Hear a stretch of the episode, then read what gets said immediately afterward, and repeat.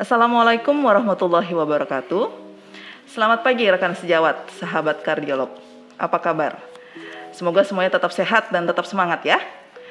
Jumpa lagi dengan saya Luciani di podcast Divisi Kardiologi Departemen Ilmu Penyakit Dalam FKUI RSCM.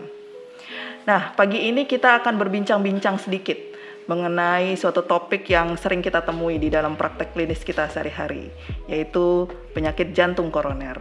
Tentunya sahabat kardiolog sudah sering mendapatkan pasien-pasien di uh, praktek klinisnya datang dengan nyeri dada atau mungkin eh, pasien-pasien uh, dengan usia muda datang dengan nyeri dada.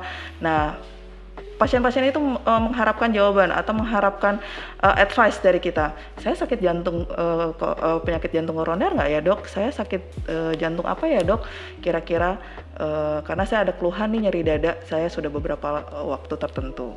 Oleh karena itu pada hari ini kita sudah kedatangan seorang uh, dokter spesialis penyakit dalam konsultan kardiovaskular yang mendalami intervensi kardiovaskular, yaitu Dr. Dr. Eka Ginanjar, spesialis penyakit dalam, konsultan kardiovaskular. Uh, selamat pagi, Dokter Eka. Selamat pagi, Dokter Lucy. Assalamualaikum warahmatullahi wabarakatuh. Sehat, sehat. Dokter Lucy sehat. Alhamdulillah sehat ya dok ya. Oke. Okay. Baik. baik, Dokter Eka, kita pagi ini mau hmm bincang-bincang sedikit ya mengenai penyakit jantung koroner ya.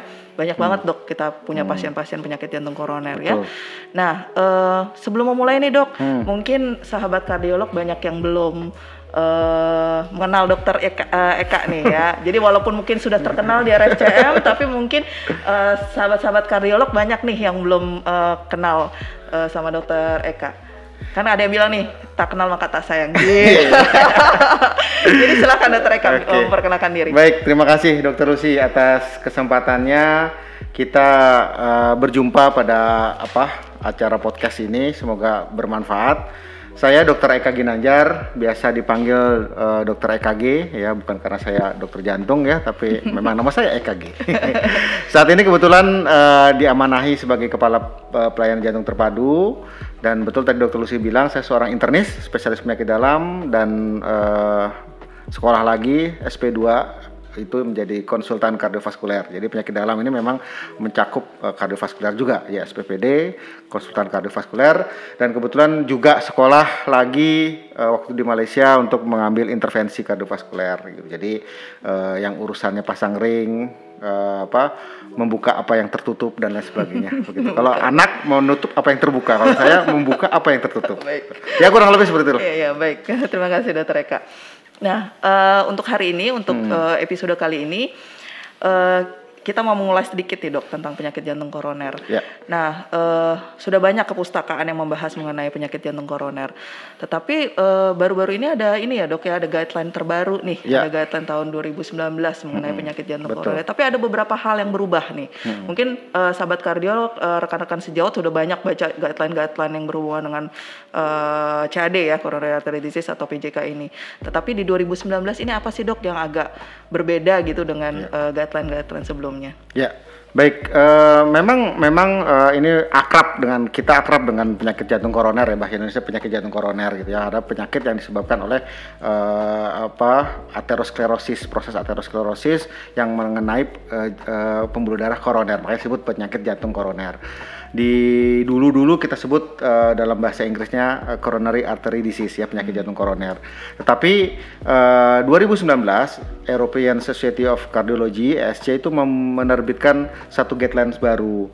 Namanya dirubah. Jadi bukan CAD tetapi CCS ya chronic coronary syndrome kita pernah dengar akut coronary akut, syndrome ya. ya itu kondisi akutnya yeah. dan ternyata ini merupakan suatu uh, apa lingkaran yang yang berawal dari suatu proses dan berakhir pada satu proses titik gitu ya jadi uh, uh, faktor resiko proses aterosklerosis sampai kepada timbulnya suatu akut coronary syndrome dan kemudian post kejadian akut coronary syndrome bisa terjadi juga. Nah, makanya proses yang men sebelum menjadi akut coronary syndrome disebut dengan chronic coronary syndrome. Jadi uh, sebenarnya ya mengganti istilah dari akut apa uh, menjadi kronik gitu ya karena menggambarkan suatu proses yang continuous dari mulai faktor resiko uh, menjadi akut coronary syndrome itu sendiri. Nah, apa yang baru sebenarnya? Sebenarnya nggak terlalu banyak, ya sama aja dengan penyakit jantung koroner itu, tetapi ada uh, beberapa pendekatan diagnostik dan uh, terapeutik di situ yang memang uh, dibahas secara lebih detail dan uh, baru ya.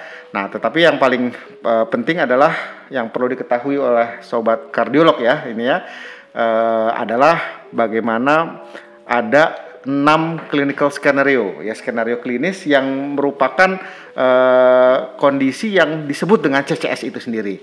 Nah ini yang paling penting uh, kita ketahui uh, untuk sama-sama kita pelajari. Yang pertama adalah uh, disebut CCS itu adalah memang pasien curiga memang ada masalah di koronernya ya dengan gejala stable angina pectoris ya uh, stable angina pectoris kita sudah sudah sudah paham bahwa uh, ketika demand oksigen itu meningkat, aktivitas dan lain sebagainya itu menjadi uh, ada simptom nyeri dada atau disnu atau sesak. Jadi ada simptom akibat aktivitas. Itu, itu uh, gejala yang paling khas ya, clinical symptom yang paling khas dari angina ya dok ya, uh, CCS, angina, ya. angina atau disnu angina ya, ekivalen uh, ya. Jadi apa uh, yang stable, stable tanda kutip stable itu artinya uh, ada pemicu aktivitas gitu ya. Karena ini berkaitan dengan uh, supply dan demand oksigen seperti itu. Lalu yang kedua adalah ketika adanya new onset dari heart failure hmm. ya atau left ventricle dysfunction yang uh, nyata. Misalnya dulu-dulu ejection fractionnya 70, oh, 80 persen. Tiba-tiba kita ada ada simptom cepet capek segala macam, kita eko lagi jadi 30 persen. Hmm. Nah jadi di situ memang dicurigai Curigai. ada suatu penyakit jantung koroner atau kita sebut sekarang CCS. Hmm. Itu simptom kedua ya. Nah eh, skenario ketiga dari eh, klinis itu adalah eh, baik simptomatik atau tidak simptomatik ya dari eh, penyakit ini ya yang kurang dari satu tahun mengalami akut coronary syndrome ya hmm. atau memang mengalami uh, revaskularisasi revaskularisasi uh, apa pun nanti penyebabnya apakah karena serangan jantung dan segala macam itu bisa uh, masuk dalam uh, clinical skenario ini. Lalu yang keempat yaitu uh, pasien yang lebih dari satu tahun dari inisial diagnosis ya atau mengalami revaskularisasi. Jadi memang punya sejarah lah terhadap uh, apa penyakit jantung koroner ini atau yang sekarang disebut dengan chronic uh, coronary syndrome ini. Nah, yang kelima adalah bagaimana pasien ini mempunyai angina, sekali lagi nyeri dada, tapi yang dicurigai oleh adanya uh, vasospastik atau microvascular disease, hmm. termasuk dalam CCS ini, gitu ya. Apa tuh mikrospastik atau mikro uh, vasospastik atau mikro uh, microvascular uh, disease? Yaitu yang kaitannya dengan spasm ya, tegang, uh, apa uh, panik, ternyata jadi chest pain. Nah itu uh, vasospastik ya.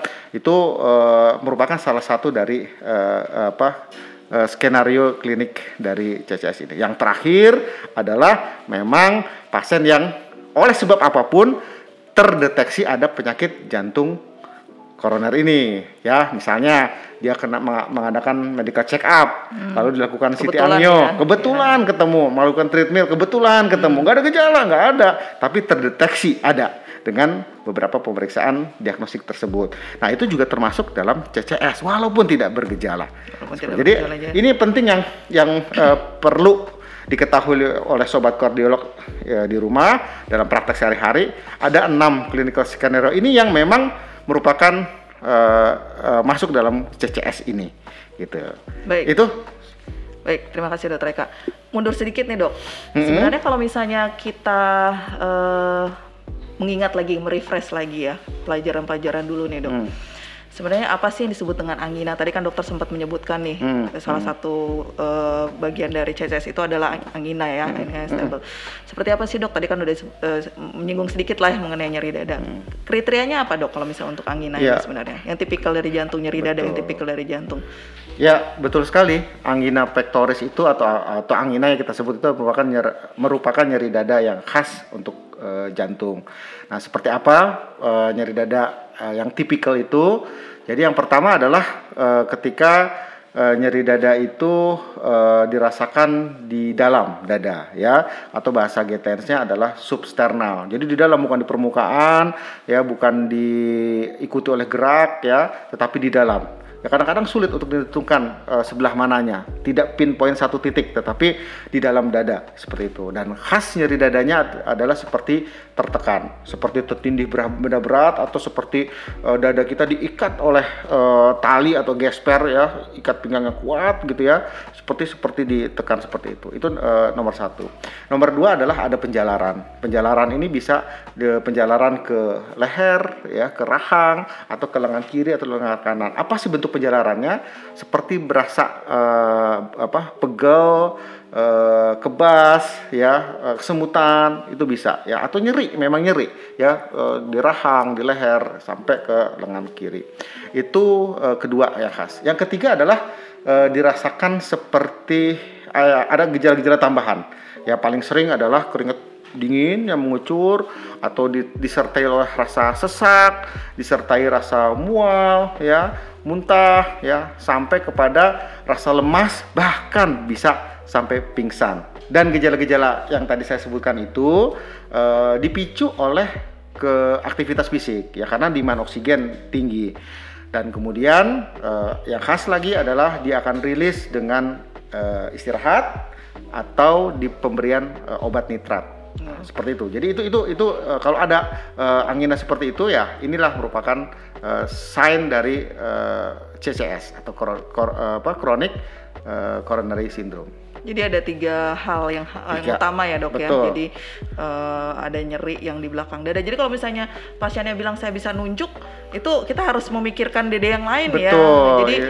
jangan sampai kita bilang oh ini pasti jantung gitu. Betul. Karena mestinya sih nyerinya nggak terlalu khas ya. ya karena ya. dia uh, substernal, atau retrosternal di dalam pokoknya rasanya. Apalagi kalau ibu-ibu bilang ya dok nah. muncul kalau misalnya saya lagi emosi lagi marah sama anak saya nih gitu. Nah, wah langsung muncul. Atau saya lagi nyapu atau lagi apa gitu yang kerja berat jadi uh, ya.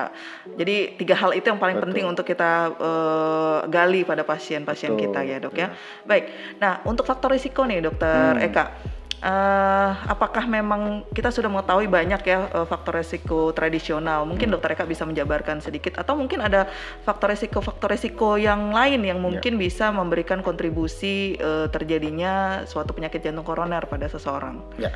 Jadi uh, betul sekali tadi ya gejala yang tadi disebut angina itu walaupun mungkin tidak tipikal tetapi ketika lihat pasien itu resikonya tinggi Nah, ini perlu tetap kita pikirkan suatu uh, eh, CCS hmm. ya. Makanya harus dilakukan uh, suatu diagnostik nantinya ke depan. Nah, sebelum ke diagnosis saya coba uh, bahas sesuai dengan tadi dokter uh, Lucy sampai apa tanya bahwa memang ada ada uh, apa faktor resiko. Ya tadi kalau kita kita kalau ingat kita apa kardiovaskular continuum ya mulai itu dari faktor resiko. Mm, nah ya ketika kita bisa mendeteksi dan bisa mengolah uh, faktor resiko ini dengan baik mudah-mudahan proses ini tidak berjalan aterosklerosis tidak berjalan. Kalaupun berjalan bisa dikendalikan mm. seperti itu. Jadi faktor resiko tadi CCS itu lalu akut coronary syndrome lalu uh, heart failure kalau terjadi uh, berlanjut karena ada remodeling dan segala macam. Nah sekarang untuk uh, faktor resiko ya uh, yang kita kenal ya ada tradisional non tradisional tapi saya lebih suka pendekatannya bisa dimodifikasi dengan tidak bisa dimodifikasi ya. Yang tidak bisa dimodifikasi usia ya. Usia semakin bertambah ya. Semakin bertambah semakin uh, apa rusak atau jelek lah seperti itu kondisinya. Itu hal yang wajar natural terjadi. Yang kedua adalah faktor keturunan ya. Seperti uh, orang tuh ada yang hidungnya mancung uh, kayak saya gitu ya. Mancung terus uh, rambutnya ika rambutnya lurus dan segala macam termasuk pembuluh darahnya gitu. Jadi ada orang yang pembuluh apa pembuluh darahnya tidak mudah terkena aterosklerosis tapi ada yang mudah. Jadi kita harus lihat oh ada om saya uh, orang tua saya kena uh, penyakit jantung koroner ini atau CCS ini maka kemungkinan besar kita punya resiko lebih tinggi seperti itu. Nah, ketiga adalah jenis kelamin. Laki-laki lebih beresiko daripada perempuan. Kenapa? Karena perempuan punya estrogen. Tapi estrogennya suatu saat akan habis saat menopause. Nah, ketika estrogennya habis, maka resiko perempuan menaik. Selain itu, katanya ya, saya juga nggak terlalu setuju sebenarnya katanya uh, apa uh, apa perilaku laki-laki itu lebih beresiko dibandingkan perempuan. Nah, ini kita bisa debat ya para sobat uh, kardiolog ya. Uh, kalau mungkin ya. Oke, itu faktor resiko yang tidak bisa dimodifikasi. Itu kita terima saja, tapi yang paling penting adalah kita tahu, kita sadar diri, kita bisa deteksi dini. Baik, sahabat kardiolog, ternyata sangat menarik ya membahas mengenai penyakit jantung koroner ini. Masih banyak hal yang perlu kita gali lebih dalam lagi bersama narasumber Dr. Eka Ginanjar. Oleh karena itu, jangan lupa untuk tetap ikut dan menyaksikan bagian kedua dari episode penyakit jantung koroner ini. Sampai jumpa.